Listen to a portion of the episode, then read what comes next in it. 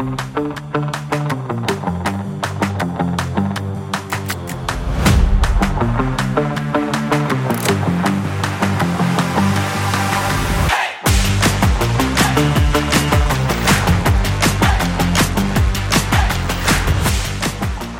allihopa och välkomna till Direktionen.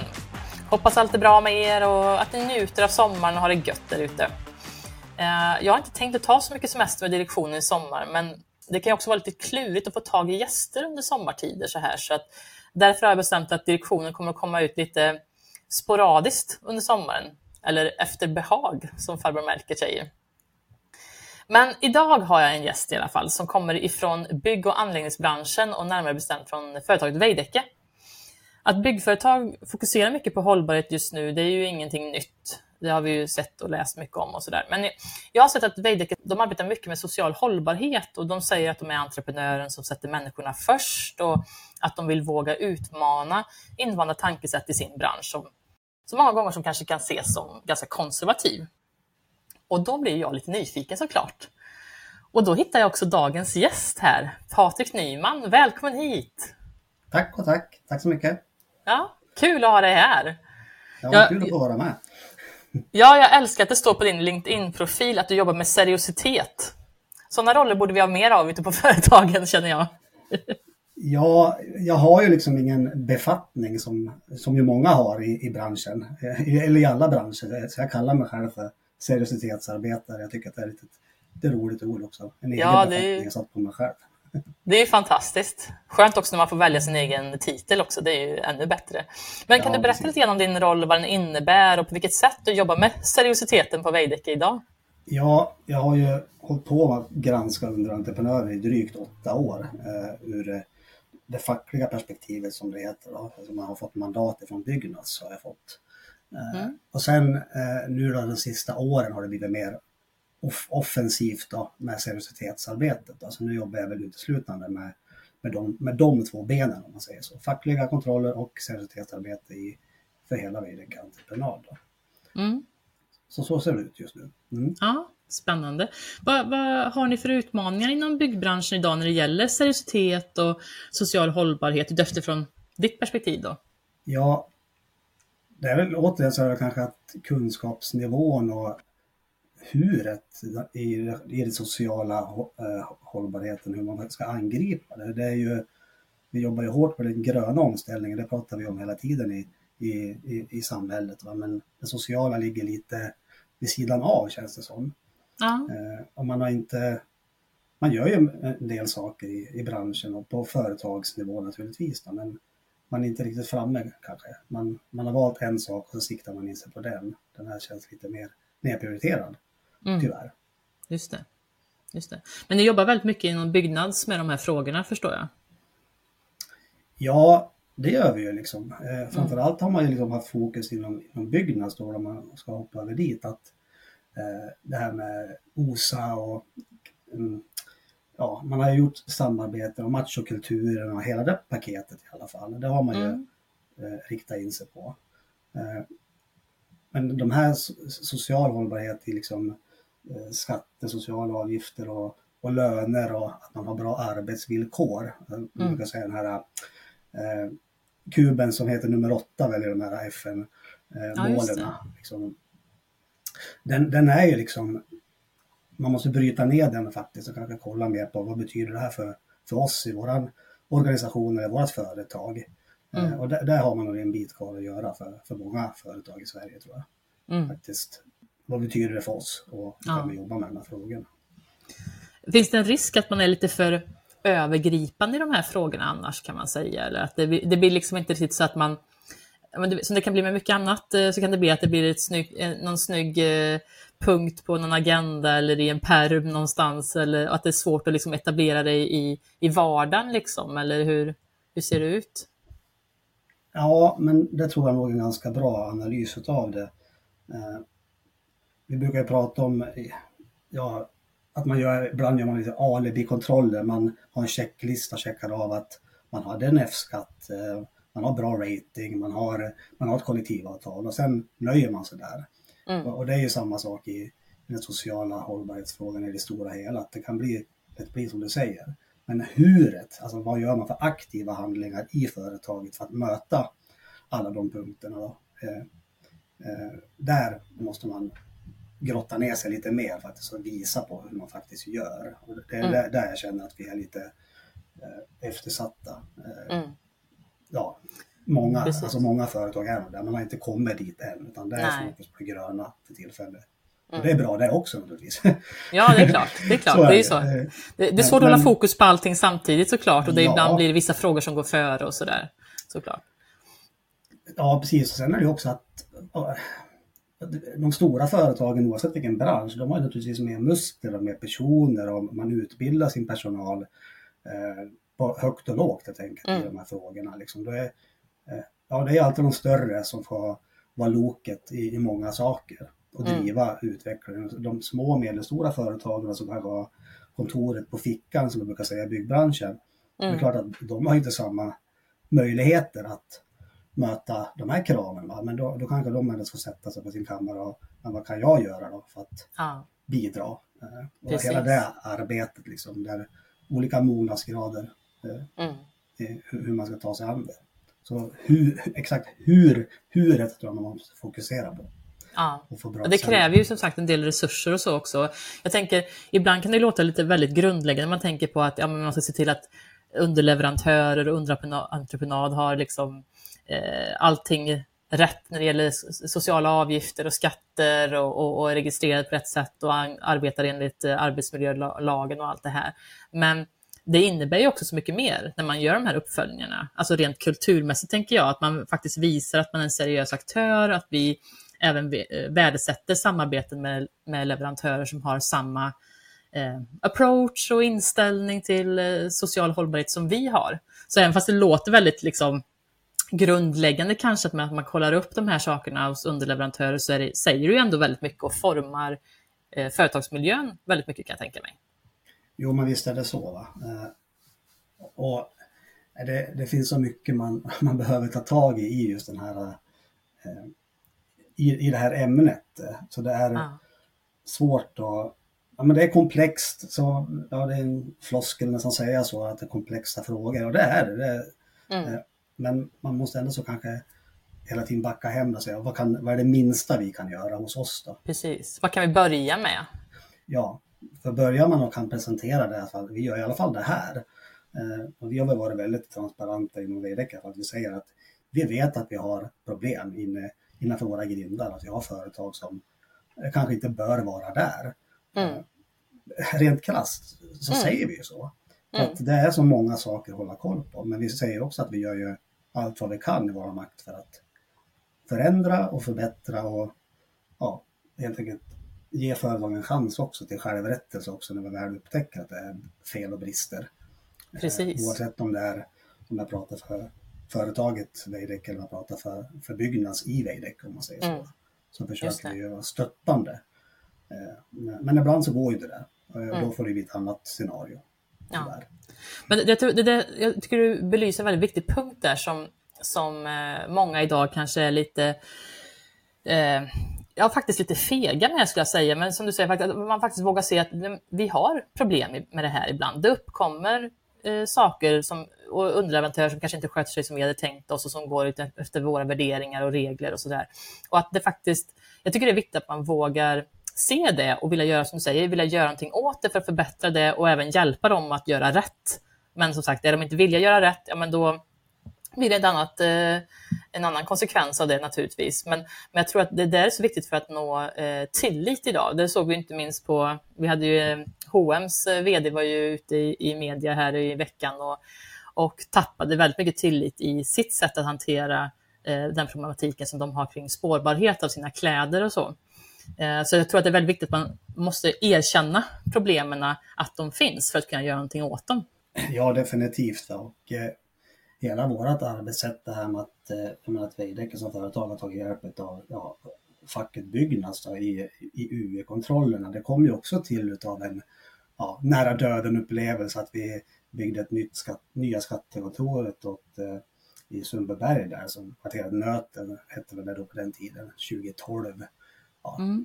jag, kommer inte ihåg exakt när det startade, men det blev i alla fall, det var på väg att bli en medial kris då, för att eh, mm. det var på den tiden var det det bästa bevakade arbetsplatsen, gick även ja, kunden ut och sa liksom, och, eh, och Veidekke också på den tiden. Då. Men sen vart det någon räd där och Byggnads var på besök och ja, det var något journalistnätverk som också granskade arbetsplatsen. Och det var ju liksom, det var många människor där som inte hade rätt att vara i landet att jobba liksom.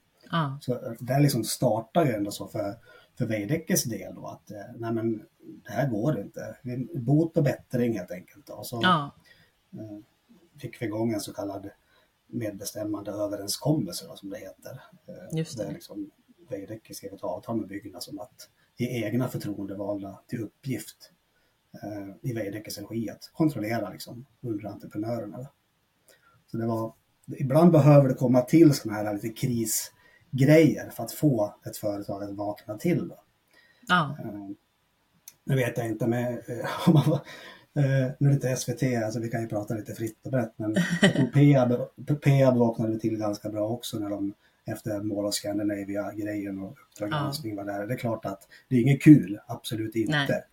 Eh, men då fick jag i alla fall attention på frågan som man brukar säga. Och, ja, mm. Eh, man tog så mer hjälp av sina internfackliga där och började liksom jobba mer systematiskt. Ja, jag tror också mycket förståelse för att man, jag tror att även varumärkesmässigt att man mäter mycket förståelse om man ser att oj, här har vi gjort bort oss. Vi har, blivit, vi har varit för slarviga i den här processen eller den här delen av av kedjan och så vidare, för det gör vi ju alla. Eh, det finns ju många tillväxtföretag till exempel som kanske utvecklas väldigt snabbt eller man får in många stora projekt på en gång och så snabbt ska man in med leverantörer för man har ju också deadlines på sig. Att om man inte är klar inom en viss tid så kommer man att få betala viten till exempel och sådär. Så det är lätt gjort att det kanske blir någonstans, det blir någon miss i någon kontroll.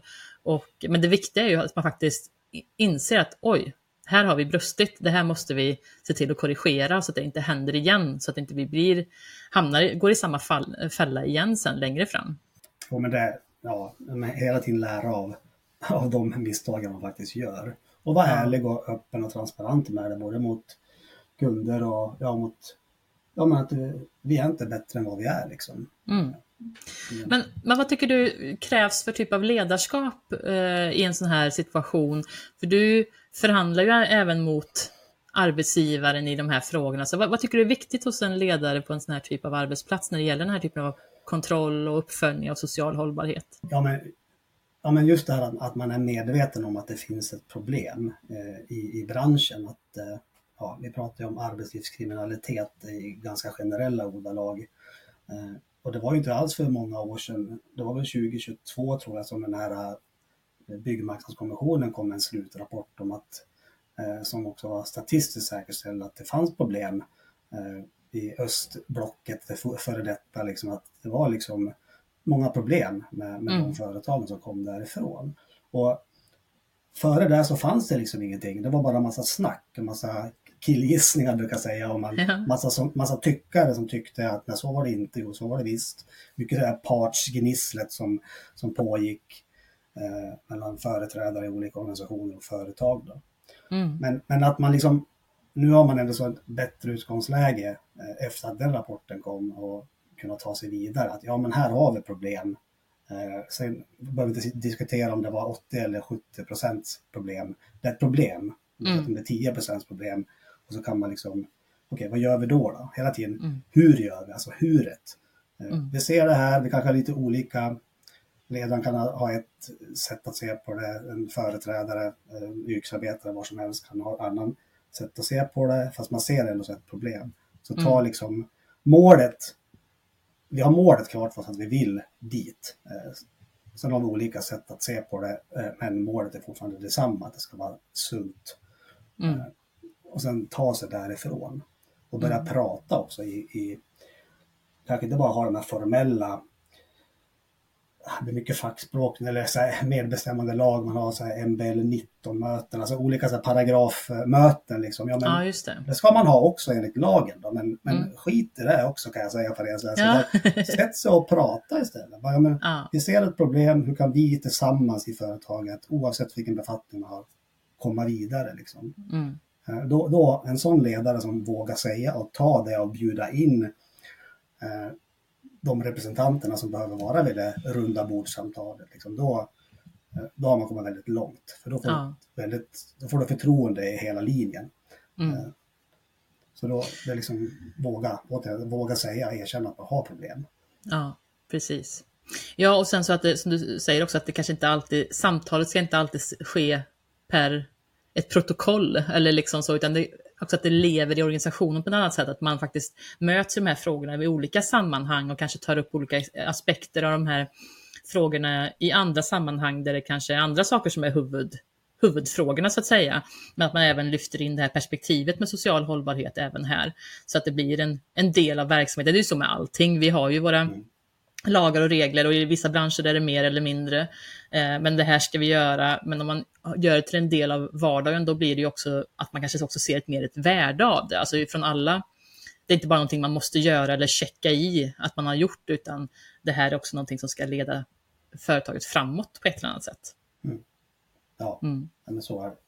Men när man håller på att granska sina underleverantörer och deras underleverantörer och allt sånt här, då går det inte att undvika att man måste liksom granska sig själv också lite grann och, och sitt interna arbete i, i de här frågorna. Hur har det varit för er? Har det, har det varit, tagit tid att få de här frågorna kring social hållbarhet på, att tas på allvar eller att närma sig varandra mellan de olika eh, rollerna eller, eller ansvaren på, på de här arbetsplatserna, olika huvudägare? Har det varit svårt att få upp dem på agendan eller har det löst sig längs vägen? Ja, det har löst sig eh, längs vägen. Visst har det så. Men alltså, som jag sa, den här händelsen som var 2012 eh, och sen eh, kom jag in 2015. Det var en kille före mig som höll på att jobba med det här också. Eller två stycken faktiskt. Mm. Och sen, men men det, och det, har, och det har ju hänt en hel del, eller en hel del, några sådana här krishändelser i eh, att vi har haft eh, underentreprenörer inne på Veidekke som eh, inte bör vara där. Så det är Mm. de sakerna då som har, även fast vi gör det här bättre än många andra sedan 2012, så kommer det fortfarande in företag som man ser liksom grova avvik på. Liksom. Mm. Det, så det är hela tiden att, ja, okej, då lär vi skruva på det här, då lär vi skruva på det där. Hela tiden att man liksom har hjälps åt att, att skruva, skruva sakerna. Till slut så börjar ju folk efterfråga internt också. Ja, men varför funkar det inte ändå då, fast vi gör så mycket bra? Liksom? Nej, men vi måste Ja. göra ännu bättre i andra delar också för att få ännu bättre helhetsperspektiv. Mm. Eh, och det är liksom, ja, sen, ja, sen tre, fyra år tillbaks, då har vi liksom, vi skapar en så kallad seriositetsgrupp i företaget också, som är inte heller, ja, säkert inte alls så många företag har ett liknande, man kanske andra forum då. Nej, det låter intressant. Men- men- Ja, och det har vi fackliga parter, vi har HR, eh, vi har jurist, bolagsjurister, vi har från ehm, Ja, från linjen då, eh, Mm. regionchefer två stycken, då, inköpschefer. Så det är en skara på tio personer som har, har systematiska möten där vi tar upp vad händer, vad händer på stan helt enkelt. Ja. Vad händer i branschen och, och så vidare. Då. Så att då, återigen, det är ett samverkansforum som, som ju liksom ligger direkt under ledningen. Då. Så vi tar ju liksom beslut där som, för att kunna förändra inköpsprocesserna, eh, ja, kontrollverktyg och ja, arbetssätt. Alltså, så det är mycket saker som bereds i den, i den gruppen. Då. Det är ju jätte, jättebra. Det är ju verkligen någonting att ta vidare till andra branscher och andra företag också, att ha en sån typ av seriositetsgrupp där man lyfter de här frågorna som också har det här mandatet. Och jag gillar också att det är eh, olika delar från verksamheten som också har, alltså som du säger, ute på stan, vad händer eh, ute på plats på anläggningen eller byggena och ehm, vad är HR-perspektivet? Vad händer på marknaden? Hur ser det ut dem i, i branschen? Är det något nytt som har hänt där? Och rent juridiskt, vad, vad, jag tycker det är jättebra blandning av kompetenser i en sån grupp som ni har fått in där. Ja, och det, och det är så man måste jobba. För det är ju, för det jag känner det är att man, det blir för ofta ledningsfrågor och där är ju liksom inte kanske, ja, det finns inga eh, arbetarrepresentanter med där liksom som kanske sitter på väldigt mycket kunskaper. Mm. Eh, och har, menar, vi som sitter liksom på företagsnivå, liksom är för, fackliga företrädare, vi, vi företräder ju liksom, ja, beroende på stort företag, men fler hundra, kanske fler tusen medarbetare som har örat mot rälsen då och få inspel och det här. Eh, ja, det, någon, någon har upptäckt ett företag här, ringde mig igår och berättade om det här företaget. Hur, hur ska vi tackla det? Så får man starta ett, ett arbete, en process kring hantera ett sådant ärende till exempel. Mm. Så mycket sådana där saker kan man sitta och diskutera mer öppet då i ett sånt där samverkansforum. Det är ju jättebra, för då får man ju alla delar kring det. Man får inköpsprocesserna, man får den legal, eh, juridiska delen på det, hur kan vi hantera de här när det uppstår. Det är ju jättebra, mm. och det rent det praktiska, eh, som ja. sagt, ute i verksamheten också. Mm. I den operativa delen. Det är ju riktigt intressant. Vad kul, det måste vara väldigt givande och det måste ja, skapa också en väldig öppenhet tänker jag i kultur, att man, man, att man känner att det är värt att lyfta upp det till den här gruppen. Eh, upplever man det så ute i, i, i driften så att säga, liksom att man känner att ja, men det är raka kanaler upp. Lyfter vi upp det till den här seriositetsgruppen så vet vi att ledningen får hum om de här frågorna. Att det, är, det, är det den känslan man har? Jag både tror och hoppas att det är den känslan man har, men samtidigt mm. så lär man också erkänna att självklart så, så kommer det, kanske man få tillbaka ett, oavsett, ett svar som man kanske inte helst velat haft. Att eh, Nej, det går inte att göra. Så är det ju alltid. Va? Det är väl klart att, men, men vi tar ju alla de här eh, frågorna på största allvar som har med de här seriositetsfrågorna att göra och försöker hjälpa ja, en platschef eller projektchef eller vad det nu må vara, va? att liksom lösa en situation som har inträffat för, mm. för det här projektet till exempel. Så det är, det är högt och lågt hela tiden. Mm. Uh. Vad, vad, vad, upplever du är viktigast för att få gehör för de här frågorna när ni lyfter någonting? Är det, eh, du nämnde ju den här rapporten, det är naturligtvis viktigt för det var ju liksom bransch, det var väldigt tydligt för branschen vad det fanns för problem och sådär. Är det liksom argument och data eller, eller vad är det som är viktigt för att få gehör? Eller är det att man kopplar det till andra mål som man har i verksamheten? Är det viktigt att man eh, lönsamhet eller att man levererar i tid eller vad, vad, vad är viktigt för att ni ska få gehör för era tankar och idéer som ni har? Ja, det är väl också liksom värderingarna. Alltså alla företag har ju policies och visioner och värderingar som man vill, så det inte bara blir en, en, det, en produkt, en affisch på en vägg, utan man faktiskt Nej. Försöker leva med det. Och det har ju eh, vi ska vara professionella, vi ska vara redliga i, liksom, i Veidekke. Och det här är ett sätt att jobba aktivt med seriositet. Alltså är det för vår del i alla fall en viktig pusselbit i, i våra värderingar också. Mm. Eh, man är ett värderingsdrivet företag och det är ju, de flesta företag är ju så. Sen har man lite olika ord på det. Ja. Men, eh, det finns ju ingen som går ut och säger att på vårt företag så hoppar vi över de här frågorna. Det, det Nej, precis. Då, får du, då får du inte morgondagens medarbetare. Nej. Eh, Nej, men så är det Hela tiden att höja förståelse, informera öppet om vad vi gör. Um, ja, vi har ju våra interna kommunikationskanaler, man visar, vi gör interna filmer om hur saker och ting går framåt så folk känner liksom stoltheten då att man är på ett företag som driver den här frågan. Om vi inte kan mm. vara bäst på den gröna hållbarheten, då, för det finns ju företag som har flera hundra människor som jobbar i stora företag. Ja. Eh, och därmed då kanske vi kan bli bland de bättre i den här eh, hållbarhetsfrågan. Alltså man får också välja där lite grann. Ja, precis. Nischa in sig lite. Ja, ja men, och, och ni, jobb, ni, jobbar mycket med utbildningar och, och, information också internt och med era leverantörer va? Ja, det gör vi faktiskt. Vi, förutom att utbilda våra egna liksom, ja, men, plats och projektchefer och, och ledningsgrupper också för den delen. Eh, och inköp är ju verkligen involverade i de här utbildningarna och vi fackliga också. Mm. Eh, så när vi möter, liksom, vi kallar det ett nytt arbetssätt nu, att vi prekvalificerar leverantörer. Mm. Eh, och då möter vi, då låter vi som företaget svara på ett frågebatteri.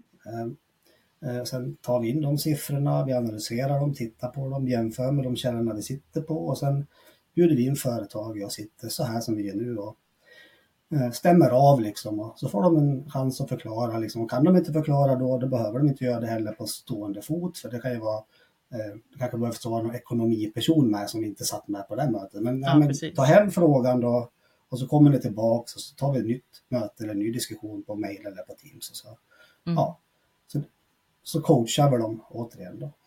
Eh, så har vi tagit fram lite som också såna här handböcker då. Så att, mm. Eh, det har vi gjort för, för sex länder hittills, så kanske kommer några fler. Eh, Mm. De baltiska länderna, Polen, Tyskland och Slovakien. Då. Det är liksom, de, jag liksom skriver dem så att vad ska jag som ett lettiskt företag göra för att kunna jobba i Sverige? Så det är liksom Ah, okej. vänt Mm. Med länkar då till ja, officiella källor då, som Mm. Skatteverk och Arbetsmiljöverket och sånt där. Just Så det är också så här sak liksom, vi försöker visa dem och det här behöver ni göra. Ja, och det, så är det ju. Det vet man ju själv som företag att det finns ju vissa saker, oftast är det ju själva kärnverksamhet man jobbar med som man är mest engagerad i, oavsett vad man jobbar med för typ av verksamhet så att säga. Men, men eh, just det här när man kanske kommer in till ett nytt land, man ska ha kunder där, då behöver man ju också få hjälp med vad är det som gäller här, lagar, regler, förhållningssätt, policies och sånt där. Det är inte så lätt att bara googla fram det. Det vet man ju själv kring allt admin som sker kring företagen och sånt där. Så det måste ju vara en väldigt stor hjälp för de företagen som kommer utifrån och ska jobba med er. Ja, för det har ju gjorts många utredningar. Eller, ut, ja, det har det gjorts. Men det är just att det är, det är många olika myndigheter där du ska liksom hämta information och eh, så det kan bli snårigt. Det kan det Ja. visst bli. Liksom. Så då försöker vi ha gjort, försöker vårt strå till stacken för våran del i alla fall och försökt göra det enkelt, både för oss själva naturligtvis men även för, för, för de företagen att okej, här, eh, vad jag gör de här sakerna så har jag ändå så eh, gjort eh, mer än någon annan skulle ha gjort. Mm. Lite så. Ja, ja, men det är lite så. Man får försöka. Men ehm, visst är det så att även eh, det här har tagits upp i många olika sammanhang. Även bankerna är måna om att man driver eh, social hållbarhet och sånt där också, eller hur? Visst är det, har den medvetenheten även, finns även där i de frågorna? Ja, precis. Kul att du sa det. För det, och det är väl typ nu i dagarna, om det var från första juni eller första juli. Jag har inte det i huvudet, men, Nej? men bankinitiativet var ju någonting som drogs igång i runt 2021. Att man gick man ut och sa att man skulle behöva ställa ja, krav på sina eh, långivare helt enkelt. De har lånat ut pengar till. Mm. Eh, för att, eh, och då, ja, och då, då blir det också att det blir en eh, rapporteringskrav, då, att man har lite systemstöd för att kunna skicka till eh, banken då att ja men hur, hur funkar det hos er då? Och Det är Mm. ganska basala saker. Eh, men de är ändå så nog så kni- kniviga att få till dem. med, Eh, ja, nu ska jag inte prata för dem i den utsträckningen, men man har liksom krav på F-skatt, arbetsgivarregistrering till exempel, när, Mm. när- när lagen kräver det. Och arbetsplatskontroller för, för projekt där det är visst, eh, ja, det är 500 miljoner tror jag, ska det vara minst två ar- eh, oberoende arbetsplatskontroller per år på ett sådant projekt Jaha, då, för tredjepartsföretag och kolla hur saker och ting ser ut. Och sen någonting som heter förhandsanmälan. Ja, det kan ju låta självklart att man ska veta på en arbetsplats vem det är som kommer faktiskt och stå där, eh, vilket företag det är. Men, men i våran bransch är det, så är det inte så. Det, det står alltid ett nytt företag där framför den ska skriva in ett företag en morgon. Ja. Hej, jag heter Kalle Plutz AB vi ska in och såga några hål här. Bara, Jaha, eh, det var inget jag kände till, säger den personen som ska skriva in dem. Men, men då, då vill man att de här företagen ska vara, vara föranmälda, ja, jag kommer inte ihåg vilka dagar, fem dagar tidigare då, än Mm. då de faktiskt är där. Och då kommer man också få en, en bättre förhandsanmälan statistik då man försöker ta fram så här äh, mätetal, KPI som man säger. Okej. Så, och det kommer från bankerna och det här är ju Ah, okej. det är en utmaning för våran bransch. Apropå Mm. att det är en liten konservativ bransch och det här är en nyhet så det är jobbigt för, för oss att anpassa oss. Men samtidigt har vi också ropat många år efter att beställaren måste ställa högre krav. Det har varit Mm. mantra så länge jag jobbar i branschen. Att, Men det alltså, kanske, jag kan förstå att det, att det ses som en extra administrativ belastning eller liksom kontrollfunktion och sådär. Men samtidigt kan man också se det som att det faktiskt är en hjälp från en annan vinkel att göra det man egentligen själv vill driva internt också. Det vill säga, eh, när behöver man lån? Och, jo, det är ju när man gör stora investeringar, det är stora projekt. Och då, det är klart att då behöver man ju ta in också fler underleverantörer och sådär. Och då kan ju det, man kan kanske dra nytta av den typen av kontrollfunktion från deras håll. För man, banken har det kravet, liksom, att det, det kan sporra även det interna arbetet på det här också, att man inte missar på saker, eh, olika detaljer som man borde eh, se igenom lite mer noggrant. Men det är klart att det, det är ju allt, det är, man vill inte bli, man vill ju hellre ta egna, egna initiativ än att bli kontrollerad av någon annan såklart. Så är det ju. Jo, precis. Och det här är ju också en, en branschen tycker att det är jättebra naturligtvis. Men, men Mm. man måste åt det, man, man måste ha förståelse för, eh, för små och medelstora företag. Då. Ja. Att de driver ju inte projekt av den här digniteten heller på 50 till flera hundra miljoner. Så är det. Så det, är inte där bankerna kommer lägga sitt fokus, det är ju på de här större Ja. entreprenörerna. Fast de andra kan ju också lära sig utav det, de mindre, små och medelstora företagen. Mm. Så att det, jag tror att det kan bli bra eh, faktiskt med att de gör det här. Mm. Men jag tänkte, du har ju eh, varit fackligt eh, engagerad och du har varit huvudskyddsombud och sådär. He- hela ditt yrkesliv har du varit engagerad i de här frågorna. Hur tycker du att arbetsmiljöfrågor och de här sociala hållbarhetsfrågorna har förändrats under din tid och ifrån ditt perspektiv? Ja, arbetsmiljöfrågorna, de, lagen är ju densamma sedan Ja. 70-talet, arbetsmiljölagen. Så, så är det ju. Eh, men det är klart att det, det är annat fokus. Liksom. Det är mycket fokus på mer fokus idag på det här psykosociala arbetsmiljön. Eh, och det är också i, i arbetsliv i stort. Mm. det är ju en skillnad att man pratar mer öppet och eh, folk öppnar upp sig mer idag om man mår lite risigt och sånt där. Och det tycker jag, ja det är, då, det är kul att man mår dåligt men att man öppnar, återigen, Ja. man vågar prata om det. Verkligen. Eh, och det finns ju mer kompetenser i de frågorna också idag än vad det fanns kanske för 10-20 år sedan. Och det är Just inte så det. länge sedan. Eh, Men sen, men sen ur det sociala i stort så Ja men det är väl att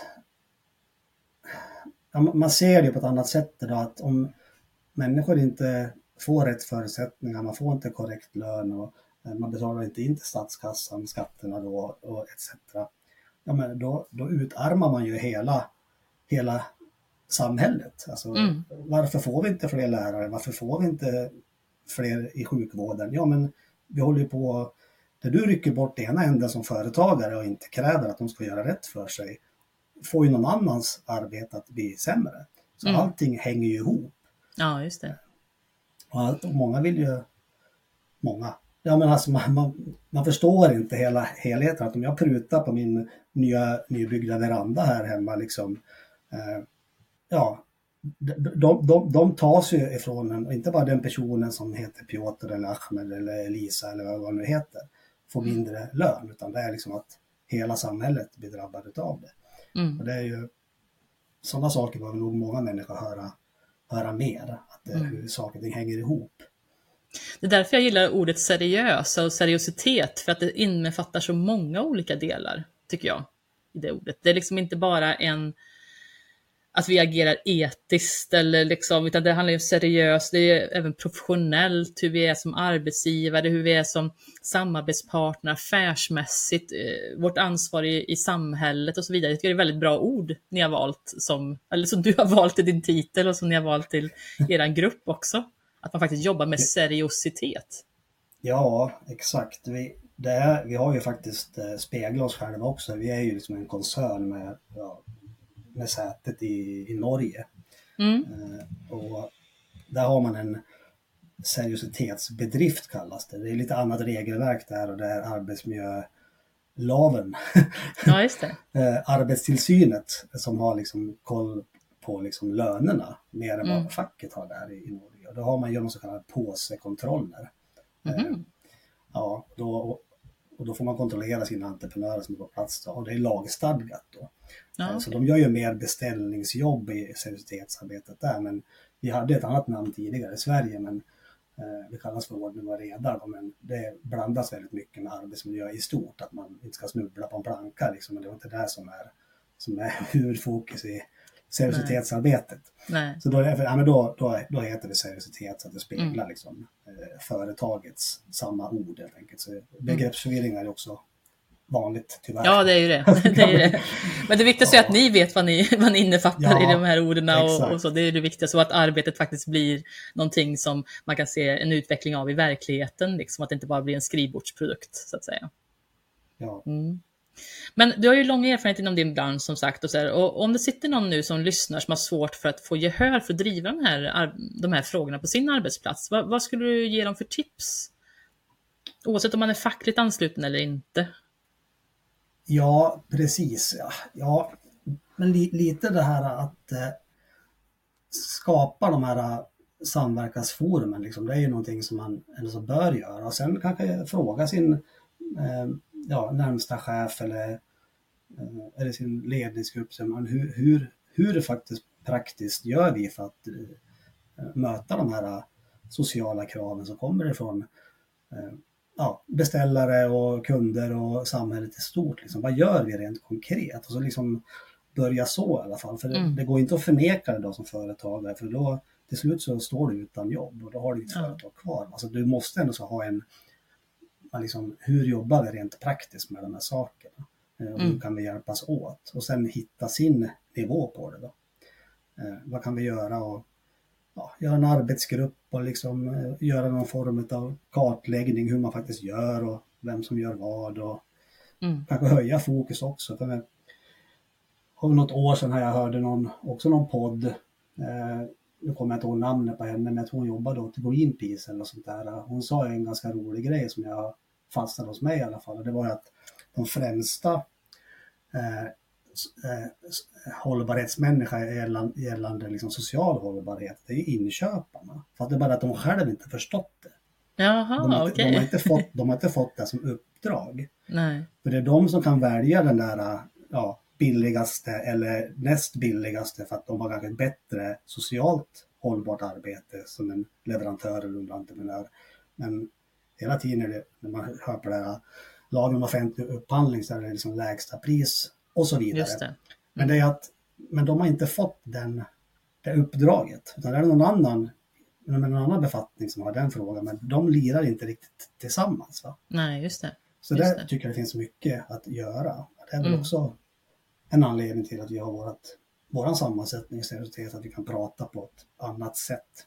Mm. Och förstå varför en roll har det uppdraget och vad det kan innebära för den befattningen, varför den liksom jobbar som den gör och så vidare. Och liksom, mm. Så där kan man börja skruva och utmana varandra i tanken. Man mm. behöver inte hålla med om allt, men ändå så utmana varandra i att stresstesta varandra. Lite liksom konflikt är bra faktiskt, eller att ja. man lite för att det kan få en att gå framåt. Ja. Våga lyfta de här frågorna i olika sammanhang och i olika utgångs, alltså infallsvinklar egentligen från olika rollers synpunkt för att förr eller senare så kan man inte blunda för de här sakerna med tanke på den tid vi lever i och, och, och så också. Nej, precis. Mm. Vad bra! Men du, tack så jättemycket Patrik för att du hade tid att komma hit och prata med oss och berätta mer om Veidekkes sociala hållbarhetsarbete. Det var jätteintressant att höra. Jag tycker det är kul att, att se liksom hur olika branscher jobbar med olika frågor utefter vad de har för ja, regelverk, kutym och kultur för övrigt och, och hur det ser ut. För det, jag tycker man kan lära sig väldigt mycket av olika typer av branscher. Det är därför jag som konsult alltid har velat jobba med många och inte låst mig till en bransch för att jag tycker att man lär sig så mycket av att flytta mellan olika branscher och få insyn till eh, kring hur man hanterar olika frågor och vad som är normalt på det ena stället är jättesvårt att jobba med på ett annat ställe och så vidare. Liksom. Så att, eh, jag tycker det är väldigt, eh, väldigt eh, intressant att höra hur ni jobbar. Ja, vad kul. Eh, ja, men sen för min egen del, alltså, jag menar, alltså, man, man brinner ju för olika saker olika skeden av livet också. Det beror på liksom, men, så, men när man ändå så har fått chansen i ett rätt stort företag och ja, man blir sedd, hörd och bekräftad och lyssnad på. Alltså, så då, då växer ju människor. Det har även ja. jag gjort, de här frågorna. Så man, eh, då känner man att man kan bidra till ja, ständiga förbättringar och utveckling av ett företag. Eh, och det, det kan man som, ja, som lyssnare liksom också ta till sig att det finns många kloka människor längre ner i hierarkin som kan sitta på väldigt mycket kunskaper. Det gäller att hitta dem och få med dem i samtalet så har man en helt annan eh, ja, ett helt annat utfall kan det ju bli. Mm. Till, till så mycket bättre. Ja, och skapa ett engagemang genom verksamheten, att man, man faktiskt blir lyssnad till och man tar varandra, varandras åsikter på allvar så att säga. Mm. Ja, jättekul. Jag hoppas du får en riktigt skön sommar nu. När har du semester? Är det nu efter midsommar eller ska du jobba några veckor till? Ja, jag kör klassiska industrin 28-31 då. Ja, ja. Precis. Vad härligt. Men det, ja, men det ska bli skönt. Ja, men njut ordentligt av ledigheten nu och, och ha det så bra. Och detsamma säger jag till er lyssnare som kanske går på semester nu vid midsommar. Och för er andra som har några veckor kvar så säger vi kämpa på och håll stilen. Och så hörs vi snart igen. Ha det bra allihopa. Hej då!